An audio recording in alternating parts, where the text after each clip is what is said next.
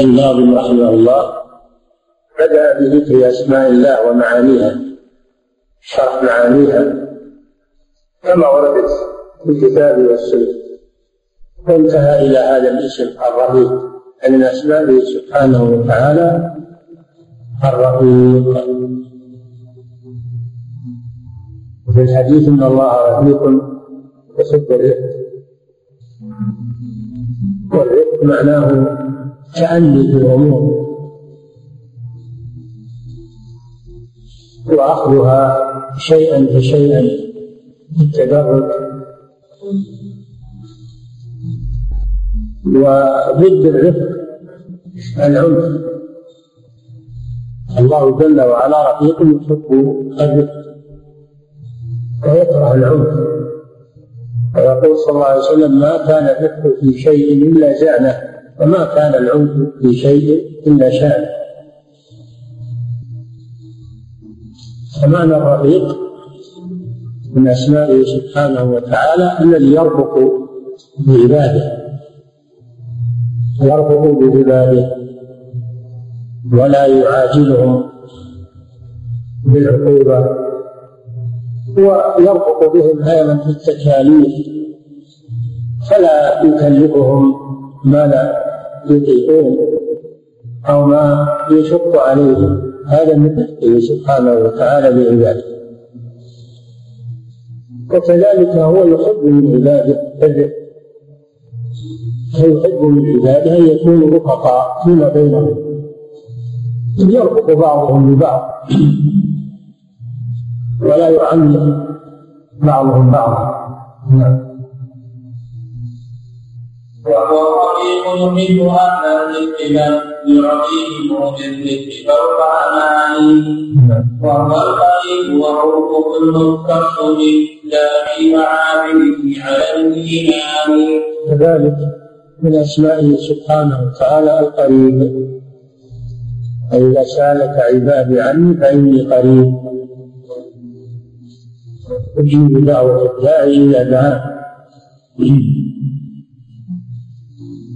وقربه سبحانه على نوعين. قرب عام لجميع الخلق بمعنى أنه يعلم أفعالهم وما يصدر منهم ولا يخفى عليه شيء مما يحصل من العباد وما يحصل في الكون هذا قرب عام فهو قريب من جميع الخلق. بمعنى أنه يعلم احوالهم ويعلم ليس ببعيد عنهم ولا غافل عنهم. مع أنه علي فوق مخلوقاته سبحانه وتعالى. فهو علي فوق مخلوقاته وقريب من مخلوقاته. والمعنى الثاني القرب الخاص من عباده المؤمنين. قريب من عباده المؤمنين يستجيب دعاءهم ويسمع دعاءهم ويعتني بهم سبحانه وتعالى. فقربه نوعان قرب عام وقرب خاص خاص بالمؤمنين. مع أنه سبحانه فوق مخلوقاته. حال على خلقه. وهذا كقوله تعالى هو الظاهر والباطن الظاهر الذي فوق مخلوقاته سبحانه وتعالى. الظهور معناه العلو.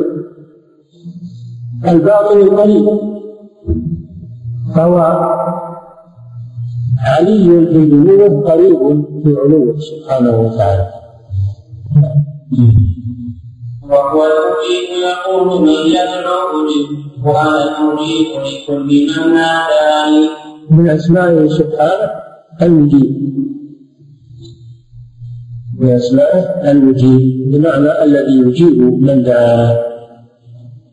قال تعالى وإذا سألك عبادي عني فإني قريب أجيب دعوة الداعي إلى دعائي في الحديث إن الله سبحانه وتعالى ينزل كل ليلة حين يبقى ثلث الليل الآخر. فيقول من يدعوني؟ فأستجيب له. من يسألني؟ فأعطيه من يستغفرني فأغفر له. هو سبحانه وتعالى يجيب من دعاه. ويسمع دعاء عباده. ويعطي كل سائل ما سأل. ولا ينقص ذلك من ملكه سبحانه وتعالى شيئا بل هو الغني سبحانه وتعالى. ولا يتضرم بسؤال السائلين وإلحاح الملحين بل إنه يفرح بذلك سبحانه وتعالى.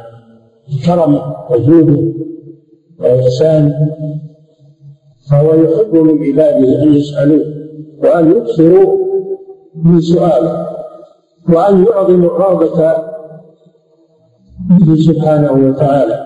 وإذا سألوه أن لا يتدانوا من سؤاله بل يسألوه كل شيء. يسألوه ولهذا في الحديث إذا سألتم الله فاسألوه الفردوس الأعلى. الإنسان لا مثل ما يسأل المخلوق.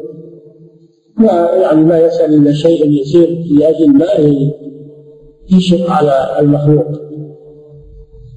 الله جل وعلا بالعكس. يحب منك أن تسأل كل ما يليق بك كل ما تحتاج إليه. ولا تتعاظم المسألة.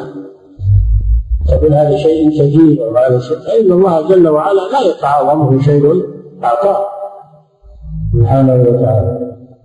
أعظم قادة الله. وأكثر السؤال منه سبحانه وتعالى واطلب ما تريد. بشرط أن لا يكون في ذلك اعتداء. لا يكون في دعائك وسؤالك اعتداء. أن تسأل شيئا لا يليق بك. أو تسأل شيئا فيه ظلم لأحد. أجيب لدعوة المضطر يدعوه في سر وفي إعلان. المضطر بصفة خاصة يستجيب الله لضرورته ولو كان كافرا. حتى الكافر إذا دعا الله مضطرا أجاب الله دعاءه. أما يجيب المضطر إذا دعاه. فإذا مسكم الضر خطاب للكفار وإذا مسكم الضر في البحر ولا من تدعون إلا إياه. فلما نجاكم إلى البر أعرضتم. فالمضطر تستجاب دعوته ولو كان كافرا. وهذا من كرمه سبحانه وتعالى. وهو الجواب فجوده عما بدا جميعا بالفضل والإحسان. من أسمائه الجواد الجواد الذي يجود على عباده. بأعظم أنواع الجود ويعطيهم ولا يبخل عليهم سبحانه وتعالى. فهو الجواد وله الجود المطلق سبحانه وتعالى. نعم. وهو الجواب فلا يخيب سائلا ولو أنه من امه لا يخيب سائلا ولو كان من أمة الكفر. لأنه ربه رب الكافر والمؤمن وبمقتضى ربوبيته سبحانه فإنه يرزق الكافر ويعطيه ويعافيه. وإذا سأله اعطاه هذا من كرمه سبحانه وتعالى. وهو المغيث لكل مخلوقاته يجيب بغفلة الأنفال من أسمائه المغيث المغيث الذي يغيث المحتاجين والغوث هو إغاثة المحتاج واستنقاذه من استنقاذه من الهلك. الغوث والاستغاثة إنما تكون عند الخطر وعند الله جل وعلا يغيث من استغاث به مضطرا ومحتاجا. نعم. وهو المغيث وهو المغيث لكل مخلوقاته وكذا يجيب إغاثة اللهفان. وكذا يجيب إغاثة اللهفان يعني المفرد فالإغاثة نوعان إغاثة عامة وإغاثة خاصة باللهفان وهو المفرد الذي وقع في خطر ووقع في شدة؟ فإن الله يغيث إذا استغاث به. والاستغاثة في الأمور التي لا يقدر عليها إلا الله لا يجوز أن تطلب إلا من الله سبحانه وتعالى. كشفاء المريض وإغناء المحتاج هذا لا يكون إلا من الله سبحانه وتعالى. وأما الإغاثة التي يقدر عليها المخلوق فيجوز أن يستغيث المخلوق بالمخلوق فيما يقدر عليه استغاثه الذي من شيعته على الذي من عدوه. يجوز أن يستغيث المخلوقين بعضهم ببعض فيما يقدر عليه الناس فيما بينهم.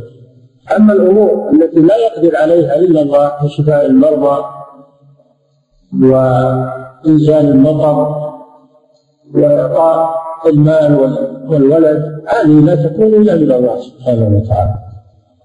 إن تستعينون ربكم فاستجاب لكم في حالة الحرب في حالة في وقعة بدر لما تقابل المسلمون والكفار وكان الكفار أكثر من المسلمين وأقوى منهم عدة استغاث النبي صلى الله عليه وسلم بربه فأغاثه وأنزل الملائكة تساعد المؤمنين على القتال وتلقي الرعب تلقي الرعب في قلوب الكفار وكانت الهزيمة للكفار من عدد أقل منهم أقل عددا وعد وذلك بإغاثة الله لعباده سبحانه وتعالى فهو يغيث من استغاث به. نعم. فصل وهو يحبهم ويحبه أحبابه والفضل للمنان الودود من أسمائه سبحانه وتعالى. هو الغفور الودود. غفور الودود. الودود صيغة مبالغة من من الود وهي المحبة فهو يحب عباده المؤمنين ويحبه عباده المؤمنون. وقول الغفور بالودود هذا من خصائصه سبحانه وتعالى. فإنه إذا تاب إليه العبد واستغفر غفر له ومع هذا يوده سبحانه وتعالى. خلاف المخلوق المخلوق إذا أخطأت في حقه وطلبت منه المسامحة سامحك يا عنك لكن يكون في قلبه كراهة لك سبب ما حصل منك. وإن كان سامحك وعفى عنك لكن ما تزول الكراهة من قلبه الله جل وعلا بالعكس. يذنب المذنب في حقه سبحانه وتعالى ويسيء في حق الله ويعصي الله ومع هذا إذا استغفر ربه وتاب تاب عليه وأحب. هذا من كرمه سبحانه وتعالى. ما كأنه عصاه لا كأنه عصى ولا كأنه أخطأ في حقه سبحانه وتعالى.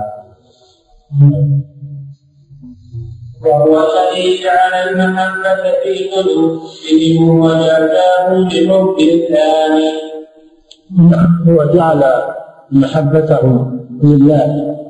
هو الذي جعل العباد المؤمنين يحبون الله. هو الذي جعل المؤمنين يحبونه. وأثابهم على ذلك لأن أحبه سبحانه وتعالى. فله الفضل في حالتين حالة ما جعله في القلوب من محبته سبحانه وتعالى وحالة محبته له جزاء له على ذلك. هذا هو الإحسان حقا لا معاد ورقا ولا بتوقع الشكران نعم فالله جل وعلا يعطي ولا يقصد من ذلك معاوضة كما يقصد المخلوق مع المخلوق.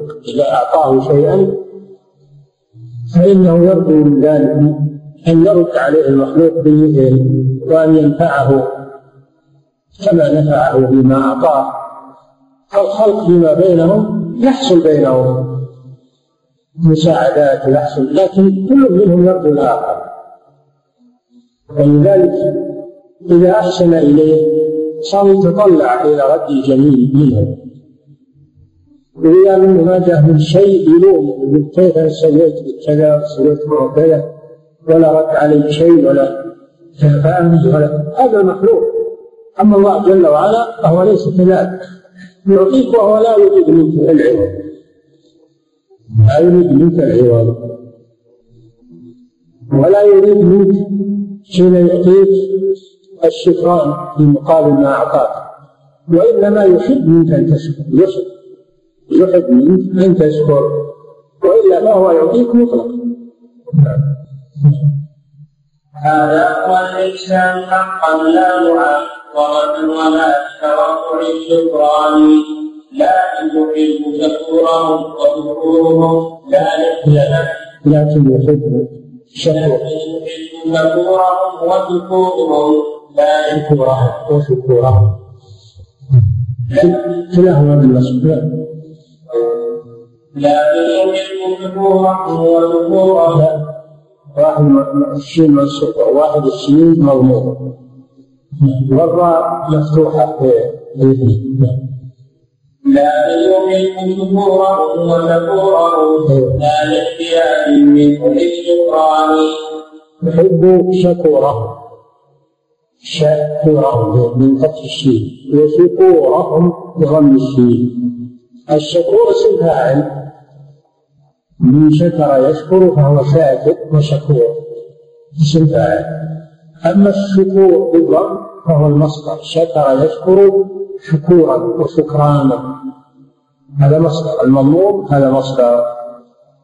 مفتوح الشين هذا اسم فاعل. فهو يحب الاثنين يحب الشكور من العباد ويحب الشكور الذي هو فعلهم. بالشكر لا ولم يعطهم نعمه من أجل يقابلون بالشكر بل أعطاهم ذلك منا وكرما منه سبحانه وتعالى. لكنه يحب منهم أن يشكروا ويحب الشكور من عباده. ولكن الشكر في العباد قليل وقليل من عبادي الشكور. من كثير من العباد إذا أعطي فإنه ينسى الله عز وجل وينسى نعمته ويتكبر بما أعطاه الله. قل من العباد من يشكر الله؟ قليل من عبادي الشكور. نعم. اعملوا آل داود شكرا وقليل من عبادي الشكور.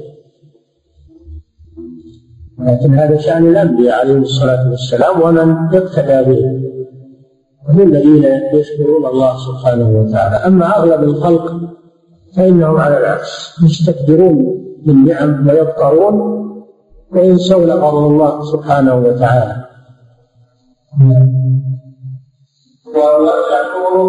يضيع سعيه لكن يضاعفه بلا حسبان ومن شكره سبحانه وتعالى لعباده انه لا يضيع أفعالهم الجميلة. بل يجازيهم عليها خيرا. وهذا من شكرانه للعباد مجازاته لهم على أعمالهم الصالحة واثابته لهم هذا من شكرانه للعباد سبحانه وتعالى. هو الذي أنعم عليهم بالإيمان ومع هذا يثيبهم عليه. أعطاهم إياه وأثابهم عليه. هذا من كرمه سبحانه وتعالى. ما للعباد عليه حق واحد هو أول الأجر العظيم الثاني. هذه هذه مسألة وهي مسألة. هل للعباد حق واجب على الله سبحانه وتعالى؟ الحديث حديث معاذ بن جبل تدري ما حق الله على العباد وما حق العباد على الله. قلت الله ورسوله أعلم. قال فإن حق الله على العباد أن يعبدوه ولا يشركوا به شيئا. وحق العباد على الله أن لا يعذب من لا يشرك به شيئا.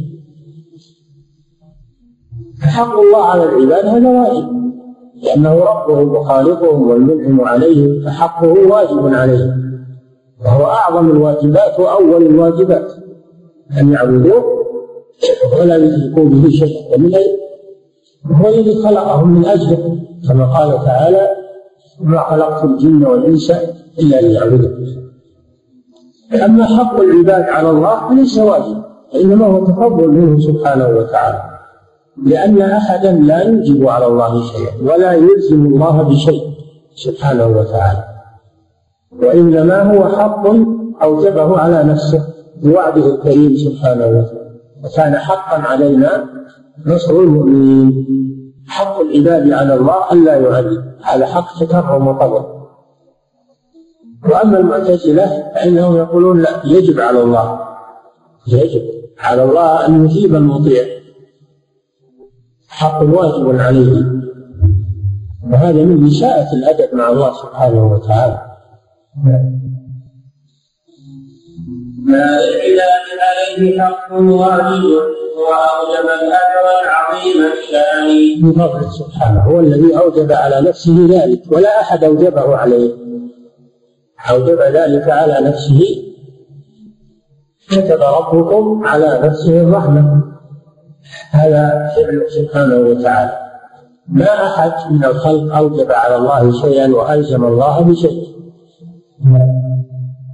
كلا ولا عمل لديه طابع إن كان بالإخلاص والإحسان. وهذا من كرمه لا يضيع أجر من أحسن عملا وليس ذلك واجبا عليه ولكنه كرم منه سبحانه وتعالى. ولو قارنت بين عمل العبد مهما كان من الحسنات والقربات لو قارنت بينه وبين نعم الله ما ساوى عمل العبد ولا أقل نعمة من نعم الله سبحانه وتعالى. فالله جل وعلا يجيبهم مع أن عملهم ما يقابل نعمة سبحانه ولا يقابل شيء من نعمة. ومع هذا يجيبهم كرما منه سبحانه وتعالى. ما للعباد عليه حق واجب كلا ولا عمل لديه ضائع فإن عذبوا فبعدله أو نعموا فبفضله وهو الكريم الواسع. ومقدرته فضل. وإحسانه فضل. ليس واجبا عليه. وتعذيبه للعصاة عدل عدل منه سبحانه. لأنه بما كسبت أيديهم جزى بما كسبت أيديهم فهو عدل منه سبحانه وتعالى. إن عذبوا فبعدله أو نعموا فبفضله. فهو الكريم الواسع هيا ولا عمل الذي واقع إن كان للإخلاص والإحسان. إن كان بالإخلاص والإحسان بهذين الشرطين لأن العمل لا يقبل عند الله إلا بهذين الشرطين الإخلاص لله عز وجل من الشرك والإحسان بالمتابعة للرسول صلى الله عليه وسلم السلامة من البدعة السلامة من البدع. فإن الله لا يقبل البدع. وإنما يقبل ما شرع على لسان الرسول صلى الله عليه وسلم. نعم. إن عذبوا فبعدله أو نعموا فبفضله والحمد نعم. هذا معنى قول الشاعر. إن عذبوا إن عذبوا فبعدله أو نعموا فبفضله فهو الكريم الواسع. نعم. وهو الغفور فله في بقرابها من غير شرك بل من النسيان. لأتاه بالغفران من أقرابها. سبحانه هو واسع الغفران.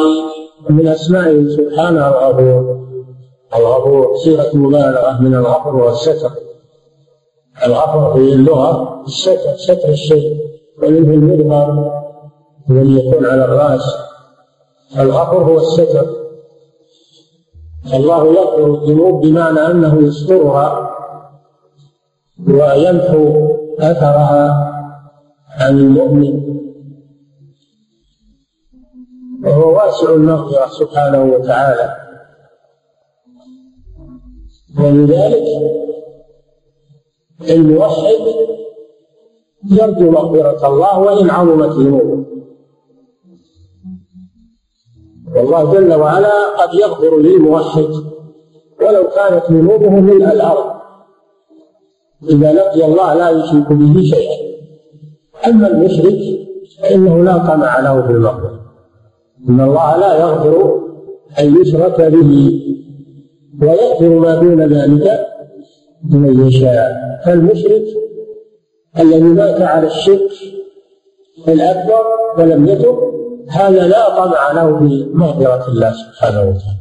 لأنه لم يأتي بسبب المغفرة وهو التوحيد. وأما الموحد الذي لم يشرك بالله شيئا فهذا وإن كانت له ذنوب كبائر دون الشرك فإنه قد يغفرها الله له جميعا ولا يعذبه عليها. وإن شاء عذبه عليها بقدرها ثم بعد ذلك يدخله الجنة. هذا مذهب أهل السنة والجماعة. ولو كثرت ذنوب العبد قل يا عبادي الذين أسرفوا على أنفسهم لا تقنطوا من رحمة الله. إن الله يغفر الذنوب جميعا. هذا لمن؟ للموحد. هذا للموحد. يغفر الذنوب جميعا يعني يا أهل التوحيد. إنه هو الغفور الرحيم. وجاء في الحديث القدسي أن الله جل وعلا يقول يا ابن آدم لو أتيتني بقراب الأرض خطايا يعني ملء الأرض خطايا يعني دون الشرك ثم لقيتني لا تشرك بي شيئا لأتيتك بقرابها مغفرة وهذا يوافق حديث معاذ لا يعذب من لا يشرك به شيئا. هذا فيه فضل التوحيد. وأن الله يغفر به الذنوب وإن عظمت وفيه خطر الشرك وأن الشرك يتعارض مع المغفرة التي وسعت كل شيء الرحمة وسعت كل شيء ومع هذا لم تسع المشرك الذي مات على الشرك والعياذ بالله. نعم. وكذلك التوام من أوصافه والتوب في أوصافه نوعان من أسمائه جل وعلا التواب. إنه هو التواب. آه، وعن التواب وعن التواب الرحيم. هو التواب من اسمائه التواب سبحانه وتعالى. التواب صيغه مبالغة. كثير التوبة. والتوبة في اللغة معناها الرجوع عن الشيء الرجوع. عن الشيء تاب إذا رجع. تاب إذا رجع. الله جل وعلا يتوب على عبده بمعنى أنه يعود عليه بالفضل والإحسان إذا تاب إليه من الذنوب.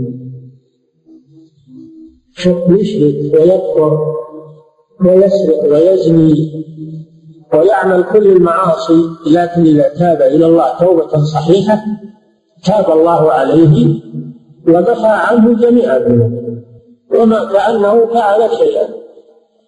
لو قتل أولياء الله وقتل الناس وقتل والديه وقتل الناس وقتل وكفر وأشرك وفعل الفواحش إذا تاب توبة صحيحة تاب الله عليه. هذا من فضله سبحانه وتعالى. إن الله يغفر الذنوب جميعا. هذا من فضله سبحانه وتعالى. ولذلك سمى نفسه بالتواب أي كثير التوبة التواب يعني كثير كثير التوبة مثل الغفار كثير المغفرة نعم. وكذلك التواب من أوصافه فالتوب في أوصافه نوعان.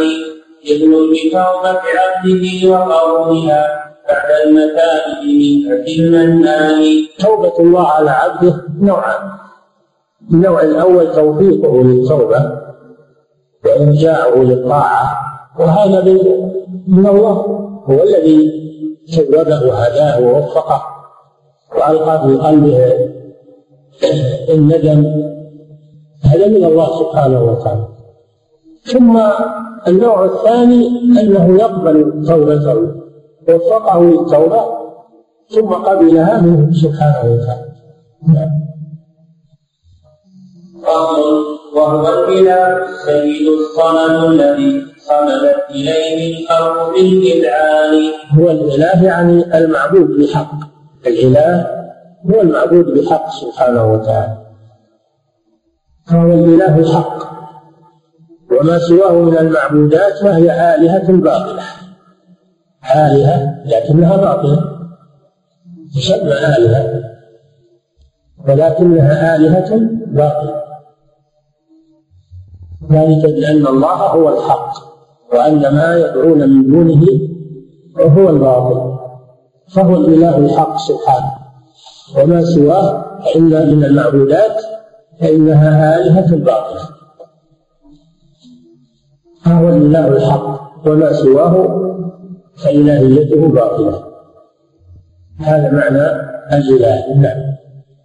وهو الإله. وهو الإله السيد الصمد الذي صمدت إليه الخلق بالإذعان من أسمائه السيد سبحانه وتعالى. السيد من أسماء الله. قال صلى الله عليه وسلم إن الله هو السيد. السيد معناه مالك فهو مالك الملك سبحانه وتعالى. من المصلح هو الذي يصلح أحوال الخلق. والمربي يربي الخلق من نعم. هذا معنى السيد. المالك والمصلح والمربي كلها من أوصاف الله سبحانه وتعالى. فالسيادة المطلقة له سبحانه أما السيادة الخاصة يمكن أن تطلق على بعض الخلق. تقول سيد بني فلان سيد القبيلة سيد أهل البلد. هذه سيادة مقيدة. سيد العبد بمعنى مالك فالعبد يقول لمالكه يا سيد. يعني لأنه مالك هذه مقيدة. سيادة مقيدة. أما السيادة المطلقة فهي لله سبحانه وتعالى.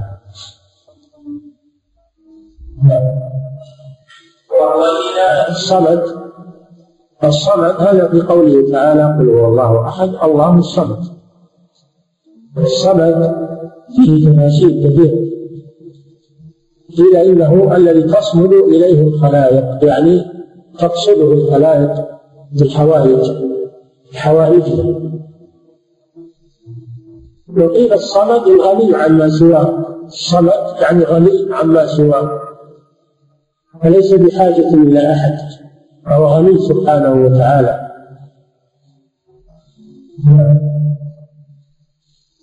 وهو الإله السيد الصمد الذي صمدت إليه الخلق بالإذعان صمدت إليه الخلق هذا من معاني الصمد الذي تصمد إليه الخلائق. يعني تقصده بقضاء حوائجه.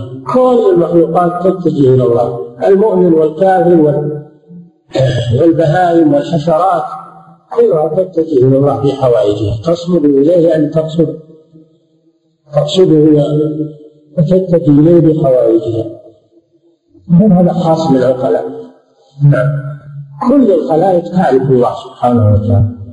تقصده في قضاء حوائجها لكننا نحن لا نفهم هذا ولا ندري عنه. الجامع الأوصاف في كل الوجود كماله ما فيه من نقصان من من معاني الصمد أنه كامل كامل الاوصاف ما في صفة من صفاته إلا وهي كمال تامة ليس فيها نقص. نعم. وكذلك القهار من أوصافه القهار من أسماء الله وصفاته القهار. قهر صفته والقهار اسمه. وهو الواحد القهار. والقهار الذي انقاد له كل شيء. قهر الخلق بمعنى انقادت له الخلائق. ولم يخرج أحد عن عن قدره وقضائه سبحانه وتعالى. وعن ملكه كل الخلائق فإنها مقهورة له سبحانه وتعالى. لا أحد يخرج عن ملكه وعن تدبيره وينفرد عنه سبحانه وتعالى. الواحد القهار واحد القهار. ما يقال القهار فقط وإنما يقال الواحد القهار. لأنه ليس هناك قهار غيره فيقال الواحد القهار. وكذلك القهار من أوصافه الخلق مقهور بالسلطان السلطان هو ملك سبحانه وتعالى. ما أحد يستعصي على أمر الله. هل أحد يمنع نفسه من تدبير الله سبحانه وتعالى؟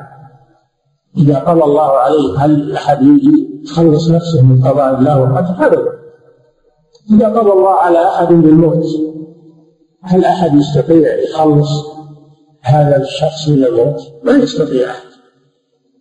إذا قضى الله جل وعلا بأن بأن يغني أحدا هل أحد يستطيع أن يمنع الغنى عن هذا الشخص؟ إذا أراد الله بعبده الفقر هل أحد يريد يمنع هذا الشخص من الفقر الذي قدره الله عليه؟ أبدا. فهو سبحانه وتعالى لا يمانع في قضائه وقدره. لو لم يكن حيا عزيزا قادرا ما كان من قهر ولا سلطان. ولفظ القهار يستلزم الحياة ويستلزم العزة والقدرة الذي ليس بحي لا يكون قهارا. والذي ليس بالقوي لا يكون قهارا. ما يقهر الخلق إلا القوي أما إذا كان هناك أحد أقوى منه لا يمكن أن يقهر هذا حتى بين الناس. الضعيف ما يمكن يقهر القوي ما يقهر إلا القوي فاسمه القهار يتضمن شيء. يتضمن العزة والقدرة ويتضمن الحياة.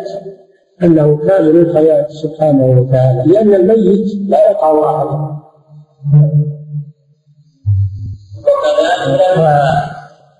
القبورية يقولون إن الأموات يتصرفون وأنهم يجيبون من دعاهم هذا باطل لأنه ما فيهم حياة الميت لا يمكن يعمل شيء ميت الموت ما يواحد ما يمكن يسوي إلا الأموات لهم أقطاب وأوتاد يتصرفون في الكون ويعملون ويعملون يعني ما يطلب منهم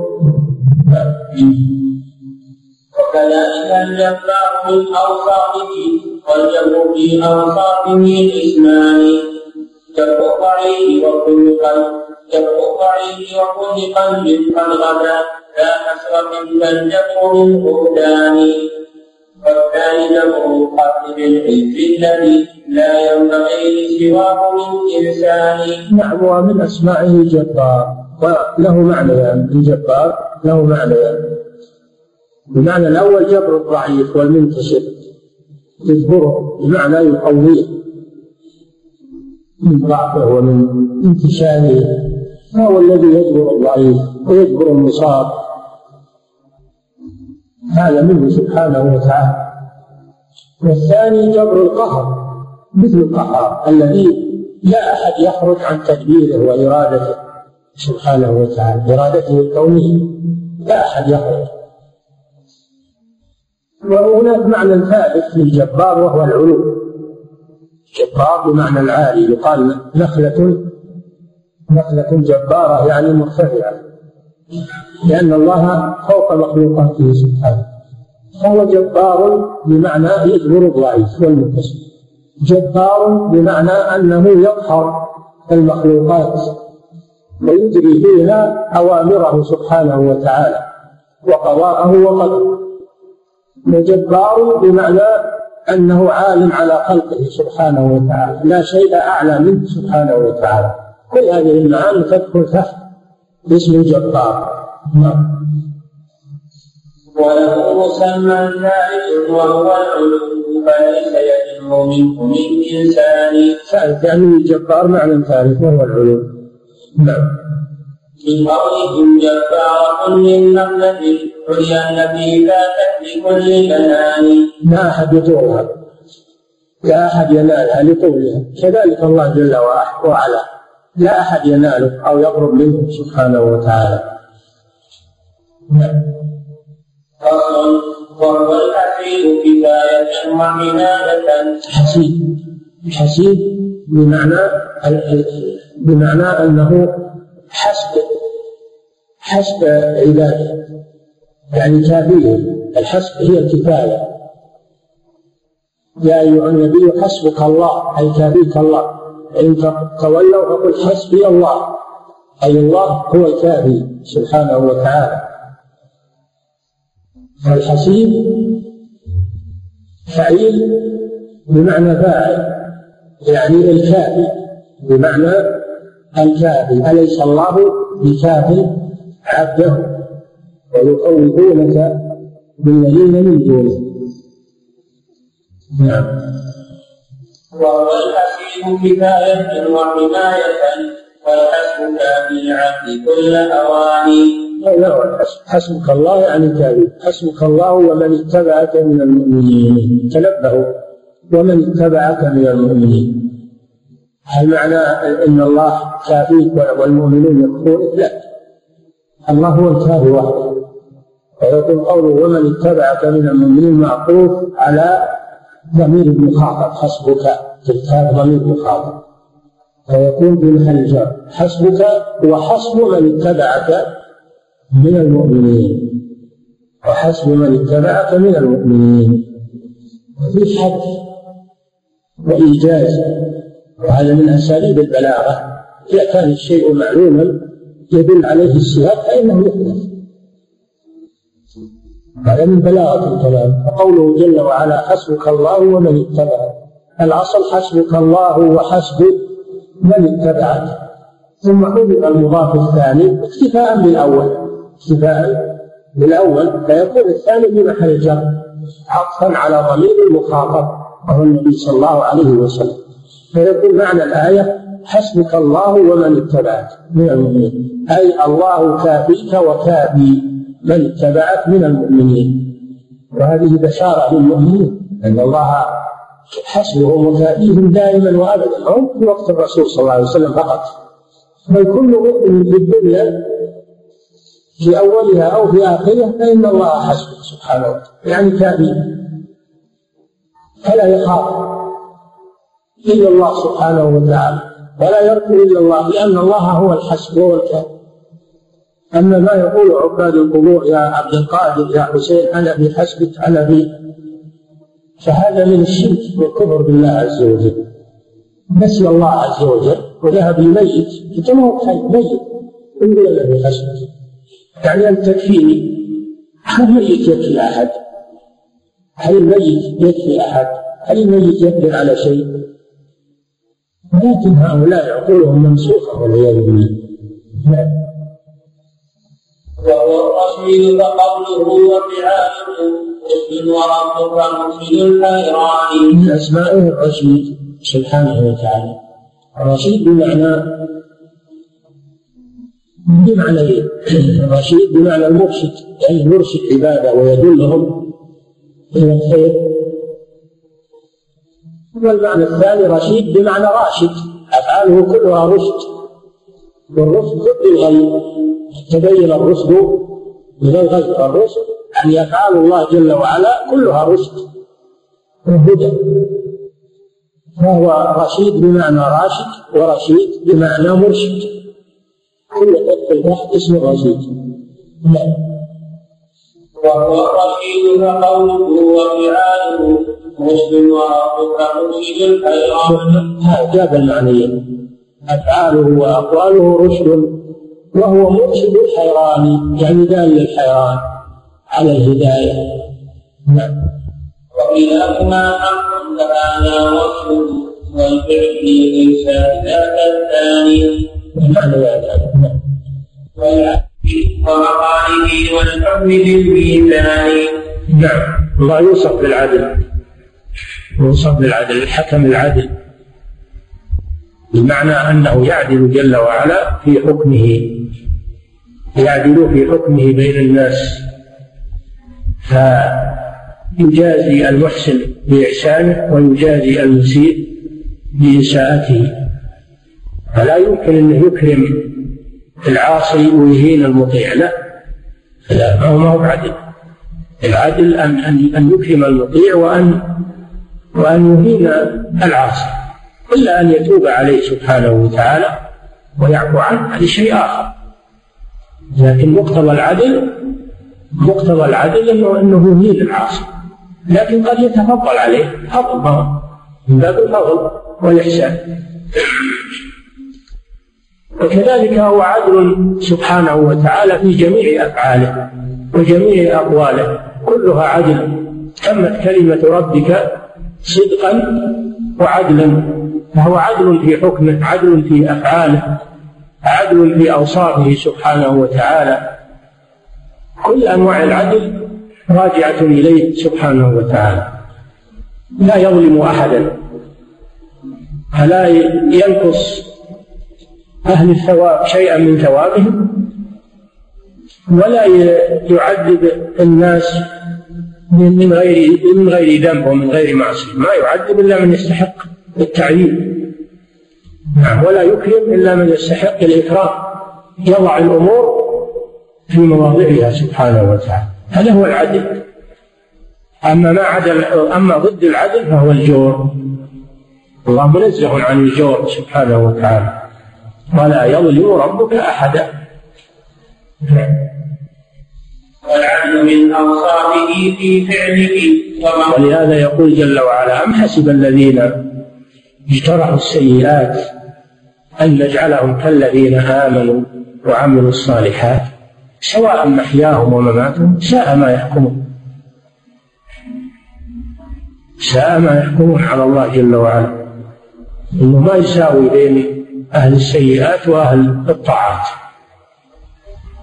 بل يجازي كلا بعمله. أم نجعل الذين آمنوا وعملوا الصالحات كالمفسدين في الأرض؟ أم نجعل المتقين كالفجار؟ هذا جور نزه الله عنه سبحانه وتعالى. نعم. والعدل من أوصافه في فعله ومقاله والحكم بالميزان. جميع جميع ما ينسب إلى الله جل وعلا فإنه عدل عدل في أوصافه وعدل في حكمه بين الخلائق وعدل في شرعه سبحانه وتعالى. نعم. فعلى الصراط المستقيم إلى هنا قولا وفعلا لا في القرآن. نعم. قال هود عليه الصلاة والسلام إن ربي على صراط مستقيم. الصراط معناه الطريق. والمستقيم يعني المعتدل هذا من العدل أيضا. على صراط مستقيم هذا هو العدل الله جل وعلا على صراط مستقيم بمعنى أنه على الطريق العادل الذي لا جور فيه ولا ضلال فيه. نعم. فصل هذا من أوصافه القدوس تنزيه بالتعظيم للرحمن. الملك القدوس. إيش معنى القدوس؟ تقديس التنزيه. تقديس معناه التنزيه قدس أي نزه فالقدوس معناه المنزه عن كل عيب وعن كل وعن كل نقص سبحانه وتعالى. نعم. وهو السلام على الحقيقة سالم من كل تمثيل ومن نقصان. من أسمائه السلام القدوس السلام. السلام أي السالم من كل النقائص. هذا معنى السلام. الله السلام بمعنى أنه سالم من كل نقص وعيب. نعم. والبر من أوصافه سبحانه هو كثرة الخيرات والإحسان. والبر في قوله تعالى إنا كنا من قبل ندعوه إنه هو البر الرحيم. والبر بالفتح مأخوذ من البر من البر وهو كمال الإحسان. كمال الإحسان هذا هو البر. فالله جل وعلا بر بمعنى أنه كامل الإحسان جل وعلا. نعم. والبر من أوصافه سبحانه. هو كثرة الخيرات والإحسان.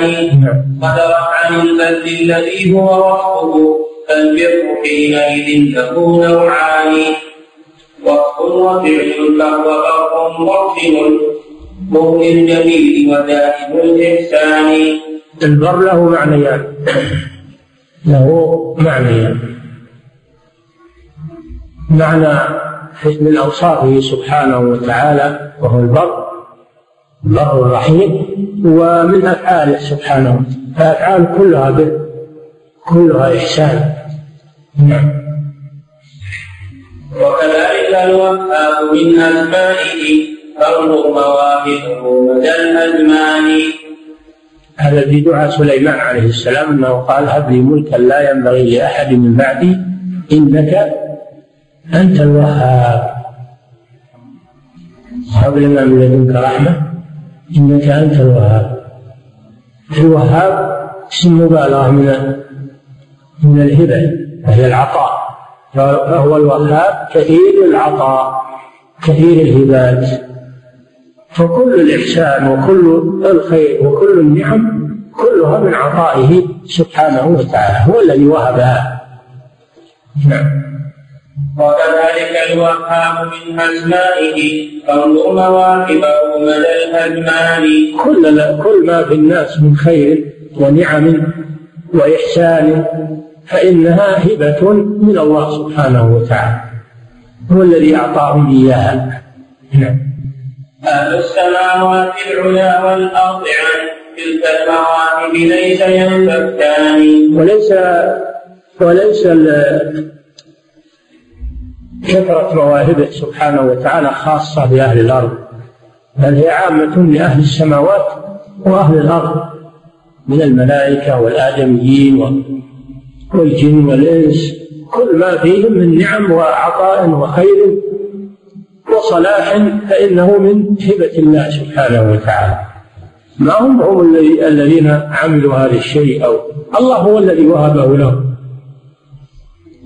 فلا تظن إن ما عندك من المال أو ما عندك من العلم انت انت اللي حصلته وأنت اللي لا الله هو الذي وهبه لك.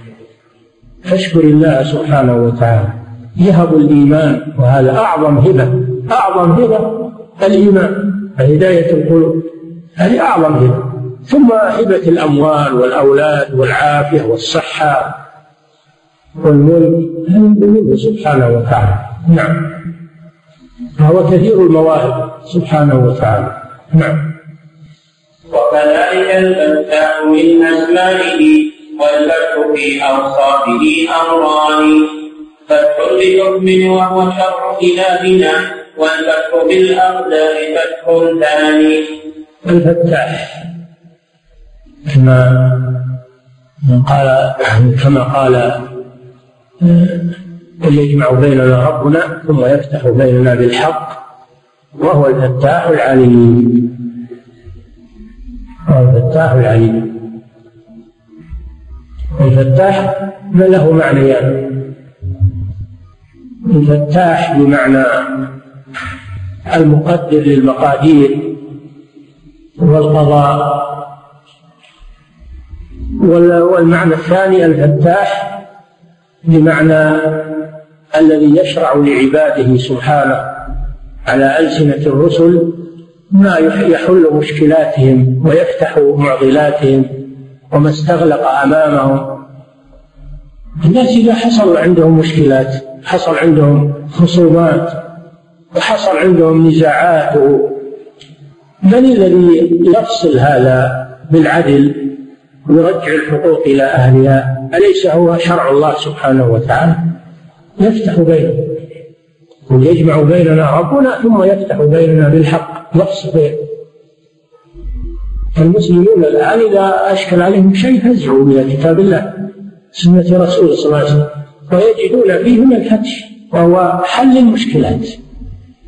حل المشكلات بعدل وإنصاف وحكمة. أما لو لجأوا إلى غير الله وإلى غير شرع الله وجدوا الصعوبات ووجدوا الظلم والطغيان والجور. هذا شيء مشاهد. نعم. المسلمون الذين يعيشون تحت حكم الشريعة تجدهم مطمئنين آمنين. والذين يعيشون تحت ظل القانون والأنظمة البشرية تجدهم على اضطراب وخوف وقلق. ولا يرضون بحكم. ما يرضون بحكم أبدا. ولا يخضعون إلا بالحديد والنار. أما المؤمنون فإنهم يستكينون لحكم الله وتطمئن قلوبهم ويستريحون. يستريحون لحكم الله سبحانه وتعالى. إنما كان قول المؤمنين إذا دعوا إلى الله ورسوله ليحكم بينهم ليقولوا سمعنا وأطعنا. هم يطمئنون إلى حكم الله ويرضون به. ترتاح نفوسهم ويسودهم العدل والقناعة التامة تتقن الدماء وتوصل الرحم وترد المظالم. كل هذا تحت شرع الله سبحانه وفتحه هو الذي فتح بينهم بهذا الشرع العظيم. والله فتان بزيت إليهما. عدلا وإحسانا من الرحمن. فتاح بشرعه وقدره حكمه القدري وفتاح بحكمه الشرعي. نعم. وكذلك الرزاق من أسمائه والرزق من أفعاله نوعان. الرزق. آه كذلك من أسماء الله الرزاق. إن الله هو الرزاق. الرزاق صيغة مبالغة اسم فاعل بمعنى رازق. والرزق هو العطاء. الرزق هو العطاء. الله جل وعلا هو الرزاق المطلق الذي جميع ما بأيدي العالم من رزقه سبحانه وتعالى. المؤمن والكافر والحيوان والحشرات والجن والإنس كلها تعيش برزق الله سبحانه وتعالى. أمن ذا الذي يرزقكم إن أمسك رزقه. لو أن الله أمسك رزقه من الذي يرزق الناس؟ ما أحد. وما يأتي على يد فلان ولا فلان هذا من الله جل وعلا. هذا مجرد واسطة فقط. مجرد واسطة. فما يعطيك هذا الملك أو هذا الغني أو هذا المحسن فهو من الله جل وعلا. ولكن هذا واسطة فقط. فالرزق راجع إلى الله جل وعلا. هو الرزاق المطلق أما غيره فإن رزق فرزقه مقيد. يرزقوهم فيها يعني يعطوهم.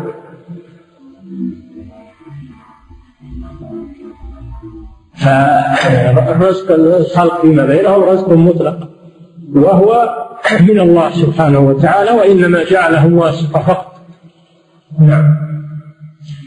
رزق على يد عبده ورسوله. نوعان أيضا ثاني معروفان. يعني الرزق أو الرزق على معنى الرزق المعنوي ورزق حسي. الرزق المعنوي رزق العلم والهداية التي جاءت على يد الرسول صلى الله عليه وسلم. هذا رزق من الله رزق معنوي. هداية القلوب بالإيمان والنجاة من الكفر. والأعمال والقيام بالأعمال الصالحة هذا رزق من الله معنوي هو الذي رزقك هذا العلم ورزقك هذا الإيمان ورزقك هذا العمل. هذا رزق معنوي المعنى الثاني الرزق الحسي وهو الأكل والشرب والكسوة والمسكن والمراكب والأموال. كل هذا من رزق الله سبحانه وتعالى. نعم. وما من دابة في الأرض إلا على الله رزقه. وكأي من دابة لا تحمل رزقه. الله يرزقها وإياكم من يوصل الرزق للحيوانات في الجحور؟ من الذي يوصل الرزق للأجنة في بطون الأمهات؟ تعيش في بطون الأمهات ويصل إليها الغذاء. من الذي يوصل هذا؟ هذا هو الله سبحانه وتعالى. يصل رزقه إلى كل مخلوق. وإن كان صغيرا لا يرى فإن الله يعلمه ويوصل إليه رزقه كل الخلائق تعيش برزق الله سبحانه وتعالى. نعم.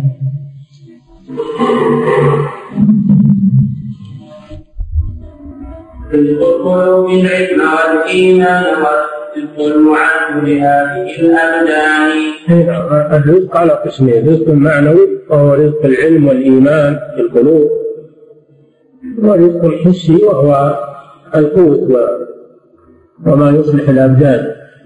كله من الله سبحانه وتعالى. أمن ذا الذي يرزقكم إن أمسك رزقه. أنتم ترون إذا حلت الكوارث في بعض البلاد لا تنفعهم المساعدات الدولية قاصرة وناقصة وأيضا تكملها الأهواء تكملها يمكن يموت بعضهم جوعا ولا يصل إلى شيء. مع أن الدول كلها متكالبة على الإغاثة على ما يسمونه. فالله جل وعلا هو الرزاق الذي يغني العباد جميعا. نعم. هذا هو الرزق الحلال وربنا قدره والفضل المنان. شوق الفوق للأعراء في تلك آه، يعني الرزق أيضا يشمل يشمل تصريف الطعام في الأبدان الذهاب للعروق والأعضاء من الذي يوصله؟ من الذي؟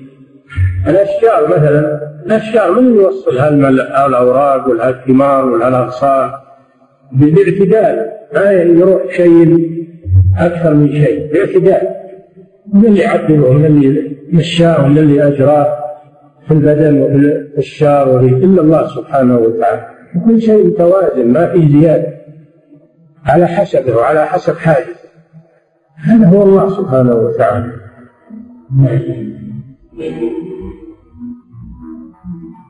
نعم.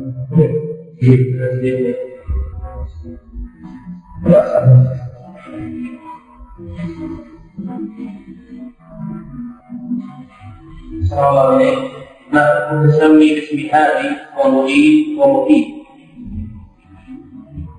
ما دام قال هادي ما قال الهادي ولا قال المجيب لا ما هادي ولا ولا مجيب بدون هل لا بأس بذلك نعم السلام عليكم في شرح الشيخ محمد حراس النونية أورد عن صاحب البداية أنه فسر الصمد بأنه الذي لا جوف له.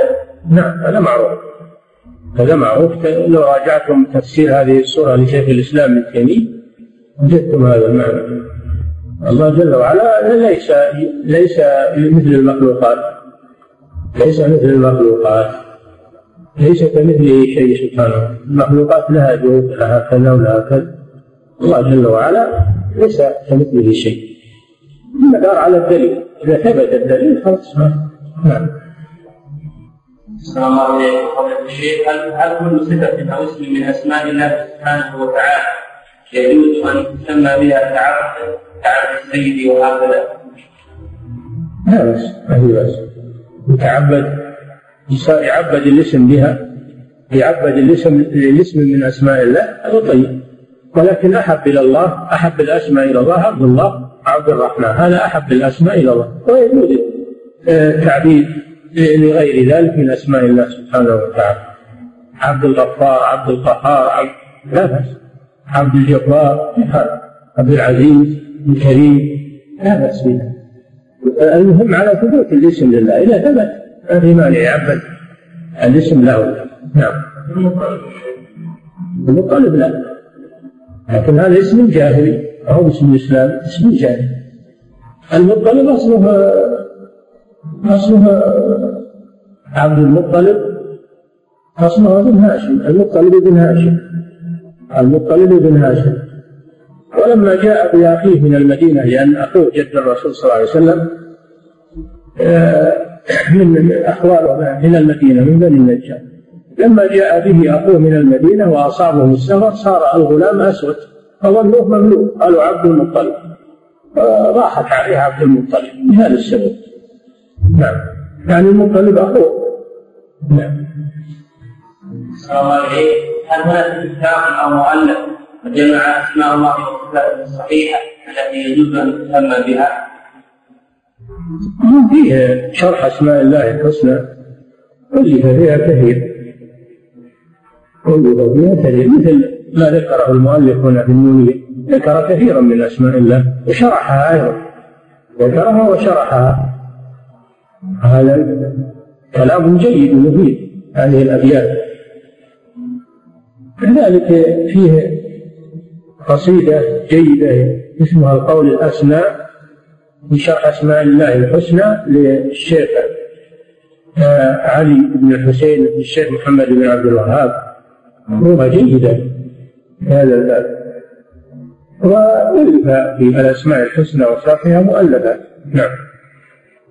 الله إليك ما حكم قول حسبي الله عليه؟ هذه لفظة عامية ما يعني لفظة عامية لكن لو قال حسبك الله هذا هو الصواب. حسبك الله هذا هو الصواب. نعم. الله إليك فضيلة الشيخ. الدليل على إطلاق اسم المغيث على الله عز وجل؟ لأنه هو الذي ينزل الغيث والمغيث بمعنى المجيب. من الإغاثة وهي استدراك الواقع بخطأ هذا من أسماء الله سبحانه وتعالى. نعم. أحسن الله إليك. هل يجوز أن يقال سيد حتى للكافر؟ لا. لا يقال للكافر يا سيد هذا فيه نهي عن الرسول صلى الله عليه وسلم. لا تقولوا للكافر يا سيد فإنه إن كان سيدا فقد أغضبتم ربكم. لا يجوز يقال للكافر يا سيد عليه وسلم الشيخ في قوله صلى الله عليه وسلم في الحديث ألقى الله آدم على صورته في رواية طوله ستون ذراعا. هل الضمير عائد إلى الله عز وجل؟ وهل هناك إجماع في هذه المسألة؟ نعم. الضمير عائد إلى الله. على صورته يعني صورة الله جل وعلا. لأن في بعض الروايات على صورة الرحمن هذه تدفع التأويل. ومعنى على صورة الرحمن بأن الله جعل له سمعا وبصرا وكلاما و وإن كان المخلوق لا يشبه الخالق لكن له أسماء يشترك فيها الخالق والمخلوق. مثل سميع بصير آه إلى غير ذلك من الأسماء المطلقة المشتركة. يسمونها المشتركة. المشتركة هذه اشتراك في المعنى يسمونه مشترك ويختلف في الحقيقة والكيفية والخارج. مشترك في المعنى ومشترك في الذهن لكن في الخارج والحقيقة لا يختلف. هذا حتى بين المخلوقات. المخلوقات تشترك في الأسماء وتختلف في الحقائق. فكيف الخالق والمخلوق؟ من باب أولى. الحديث على ظاهره ولا داعي للإشكال وشرحه العلماء جهابذة العلماء شرحوه وبينوا المعنى ولا حاجة إلى إثارة هذا الإشكال كل وقت ومن آخر من كتب في هذا كتابة جيدة الشيخ محمود التويتري رحمه الله كتب كتابة جيدة وذكر نقولات عن أئمة السلف في هذا المعنى. ولا حاجة إلى إثارة هذه هذا الإشكال. نعم. أحسن الله إليكم. أشكل علينا أن الشرك الآخر. فما هو حد الذي به يضر؟ حد ما سمي شركا ولم يصل إلى الشرك الأكبر ما سمي شركا في النصوص ولكنه لا يخرج من الملة. هذا هو الشرك الأصغر. نعم. مثل يسير الرياء ومثل الحلف بغير الله. ومثل آه، ما شاء الله وشئت بالواو. هذه من من الشرك الأصغر. نعم. لكنها لا تخرج من المله إذا سميت بالاصغر نعم. وهل الشرك الأكبر. هل الشرك الأكبر داخل في المشيئه ام ان الله لا يغفره؟ خلاف بين العلماء. منهم من يقول لا بد من تعذيبه لكنه لا يعذب مثل تعذيب الشرك الاكبر لا يخلد في النار. عمل أحلى من قوله تعالى إن الله لا يغفر أن يشرك به. هذا يقولون هذا عام للأكبر والأصغر. لكن مشرك الشرك الأصغر لا يعذب مخلدا في النار وإنما يعذب بقدر ذنبه ثم يخرج بإذن الله إلى الجنه والقول الثاني إن الله يغفره إذا رجحت حسناته غفر له الشرك الأصغر. نعم. وإن وإن لم ترجع حسناته عذب بالشرك الأصغر. نعم. أحسن الله إليكم. ما معنى اسم الله العزيز؟ العزيز القوي. القوي. العزيز القوي.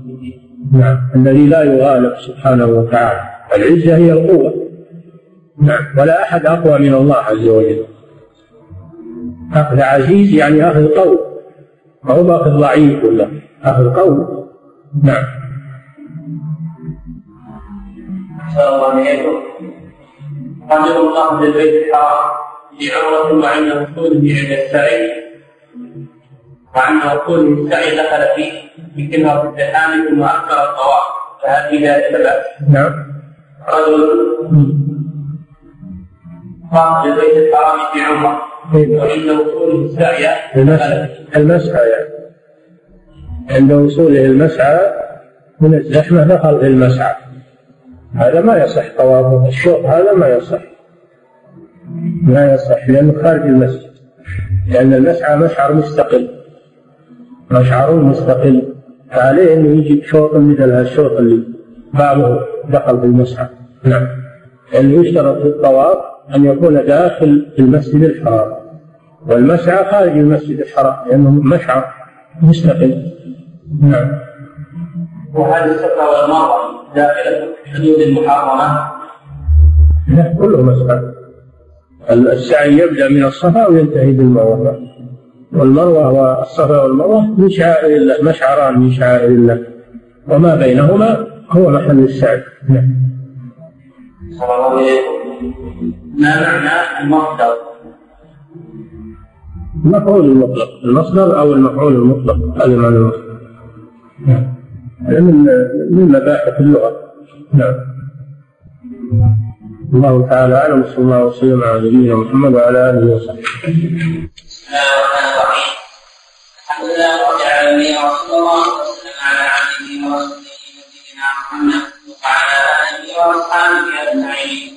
قال الناظم رحمة الله تعالى وكذلك الرزاق من اسمائه وهو من افعاله نوعان اسم على يجعل في ورسوله واذكر على لعبده ورسوله نوعان أيضا لا معروفان والدخول بالعلم والإيمان والرزق على كل حال الابدان بسم الله الرحمن الرحيم. الحمد لله رب العالمين.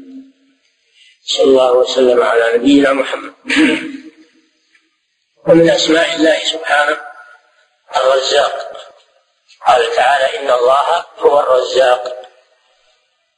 الرزاق صيغة مبالغة من الرزق. والرزق بالكسر هو العطاء. الرزق هو العطاء. وأما الرزق فهو مصدر. مصدر رزق يرزق رزقا فهو رازق ورزاق. وهذا من أسماء الله سبحانه وتعالى فإن الذي فإنه هو الذي يرزق عباده ما يحتاجون إليه. فالرزاق اسمه هو الرزق صفته سبحانه وتعالى صفة فعل. الرزق صفة فعل. يرزق من يشاء. إن الله يرزق من يشاء بغير حساب. فهو صفة فعل يتعلق بالمشيئة. وهو نوعان. رزق القلوب بالعلم والإيمان ورزق الأبدان بالقوت والغذاء الذي يقيمها. رزق القلوب بالعلم الذي يهديها ورزق الأبدان بالقوت والغذاء والطعام والشراب الذي يقويها ويغذيها وينميها. كل ذلك منه سبحانه وتعالى.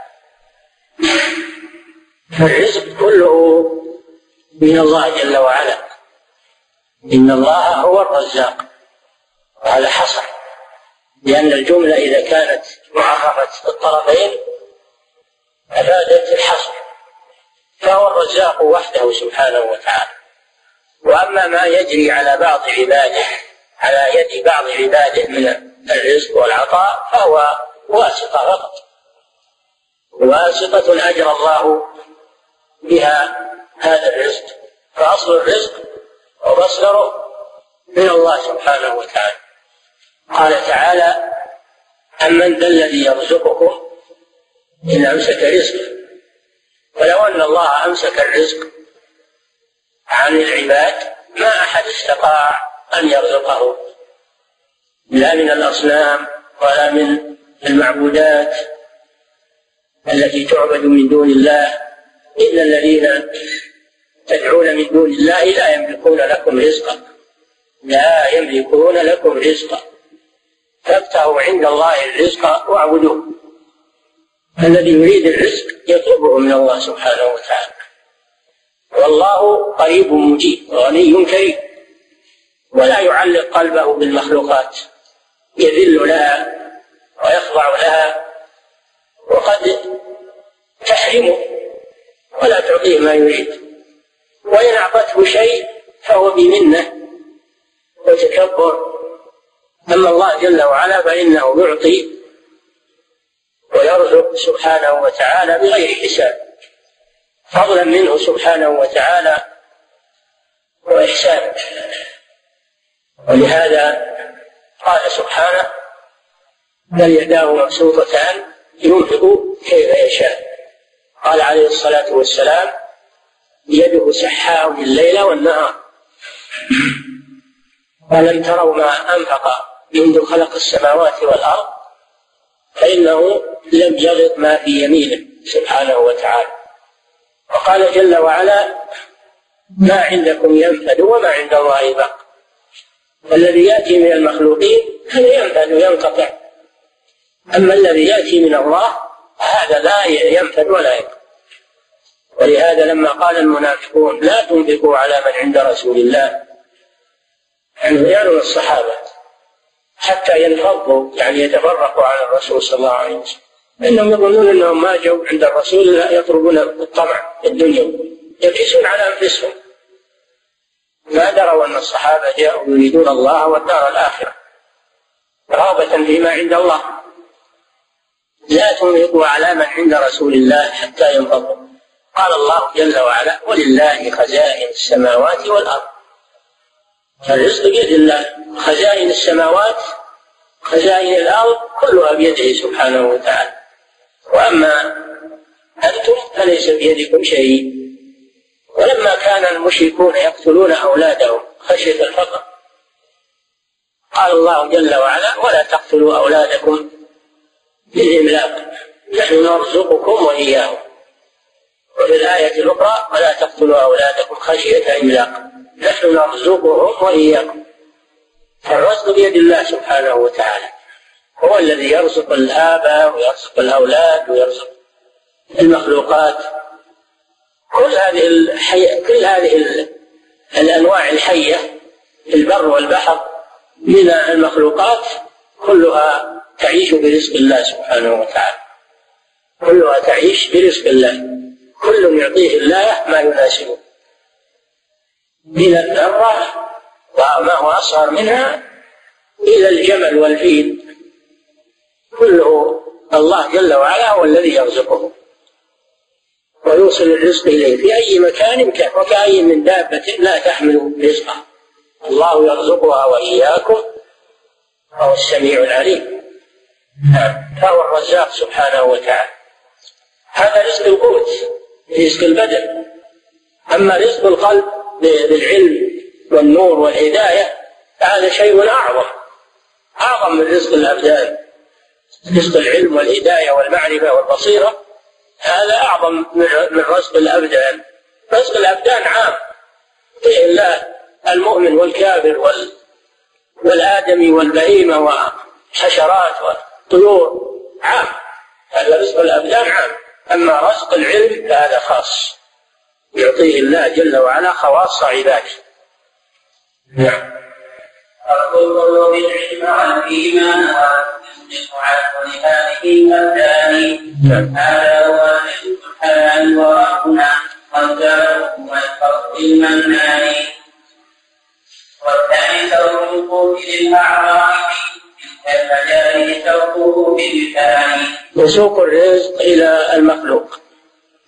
يسوق هذا الرزق إلى أعضائه يوصل إلى كل عضو ما يغذيه.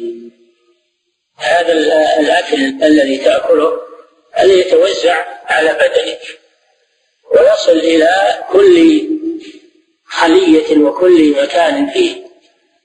من الذي يوزعه على بدنك؟ وباتزان أيضا متوازن ما في زيادة. هو الله جل وعلا. فهو يجلب لك الرزق ثم هو أيضا يسوقه إلى أعضائك الغليظة والدقيقة يوصل إليها ما يغذيها وينميها كل شيء بحسبه وبقدره. هذا هو الله جل وعلا. بل يوصل الأرزاق إلى الأجنة في البطون في بطون الحوامل الجنين في بطن أمه سواء كانت آدمية أو بهيمة أو منقطعة عن العالم. الجنين منقطع عن العالم. ولا عليه منافذ تدخل عليه من الذي يوصل له الرزق في هذا المكان؟ ويغذيه وينميه هو الله جل وعلا. نعم. والثاني سوق للأعضاء في تلك المجال سوقه بميزان بوزان يعني متوازن ما يروح العضو شيء أكثر مما يحتاج. نعم. من الحلال كما يكون من الحرام كلاهما نعم. الرزق الذي هو إيصال الرزق وإيجاد الرزق هذا يكون من الحلال. أما الرزق الذي يدخل إلى البدن ويتغذى به البدن هذا يكون حلالا ويكون حراما. قد يتغذى البدن بالحرام. يتغذى بالحرام. وهذا من الرزق. رزق هو رزق يعني كل شيء هو من رزق الله سبحانه وتعالى.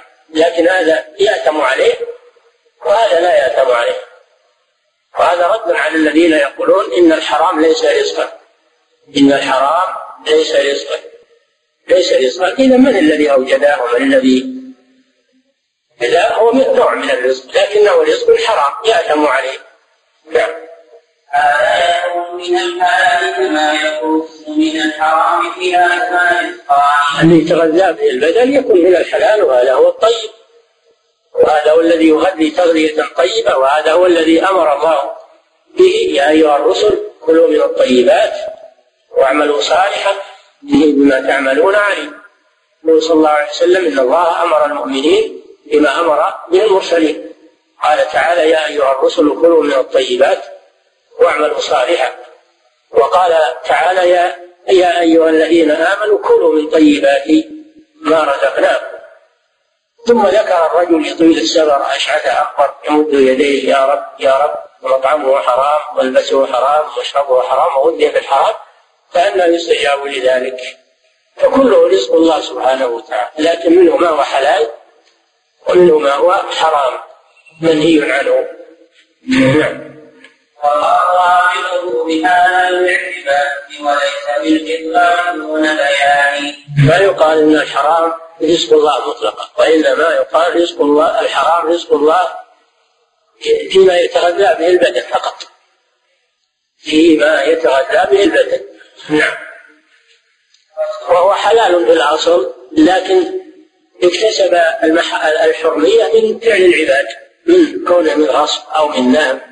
أو من سرقة أو من غش أو من كذب. فبذلك صار حراما من بسبب فعل العباد وإلا هو أصل. الله خلقه طيبا. نعم. لكن أفعال العباد هي التي أكسبته هذه الأوصاف. نعم. هذا من أوصافه القيوم والقيوم في أوصافه أمران بنفسه قال الله تعالى الله لا إله إلا هو الحي القيوم. حي القيوم. الحي يعني كامل الحياة. القيوم صيغة مبالغة. صيغة مبالغة. من قام يقوم فهو قيام وقيوم. وقرأت الآية باللفظين قيوم وقرأت قيام. والقيوم له معنيان. المعنى الأول القائم بنفسه الغني عما سواه. والمعنى الثاني المقيم لغيره. المقيم لغيره. فالله جل وعلا قامت به السماوات والأرض ومن فيهن. فهو الذي خلقها وهو الذي أوجدها وهو الذي يصلحها وهو الذي يحفظها. فهو قائم بها سبحانه وتعالى. قالوا وهذان الاسمان الحي القيوم ترجع إليهما جميع الصفات. الحي ترجع إليه كل صفات الذات من العلم والقدرة والإرادة والسمع والبصر والقيوم يرجع إليه كل صفات الأفعال من الخلق والرزق والإحياء والإماتة والتدبير. ولذلك يروى أن الحي القيوم هما اسم الله الأعظم. اسم الله الأعظم. لأنهما ترجع إليهما جميع الصفات الإلهية. الصفات الذاتية ترجع إلى الحي والصفات الفعلية ترجع إلى القيوم. نعم. هذا من أوصاف القيوم والقيوم في أوصافه أمران إحداهما القيوم قام بنفسه. الأمران قام بنفسه يعني هو غني عن مخلوقاته. ليس بحاجة إلى أحد. القائم بنفسه يعني غني عن خلقه. لا يحتاج إلى خلق. وإنما العكس. الخلق هو المحتاج إليه سبحانه وتعالى. إن الله يمسك السماوات والأرض أن تزولا. ولئن زالتا إن أمسكهما. من أحد من بعد. لو زالتا على سبيل الفرض ما أمسكهما أحد غير الله سبحانه. إن معناها نافية ما معناها ما. إن أمسكهما أي ما أمسكهما أحد من بعدها أي غيره سبحانه وتعالى. نعم. إذا السماوات والأرض ومن في وما فيهما بحاجة إليه سبحانه وتعالى. وليس هو بحاجة إليها. نعم. دام غيره قام بنفسه والأمر قام به هما الأمران. نعم الأول استثناءه عن غيره والفرق من كل إليه الثاني. والوصف بالخير من شأن عظيم كلام رسوله أيضا عظيم الشأن. والحي فأوصاف الثناء ما يكفينا إمام الثاني نعم تتبع هذين الجسمين جميع صفات الكمال.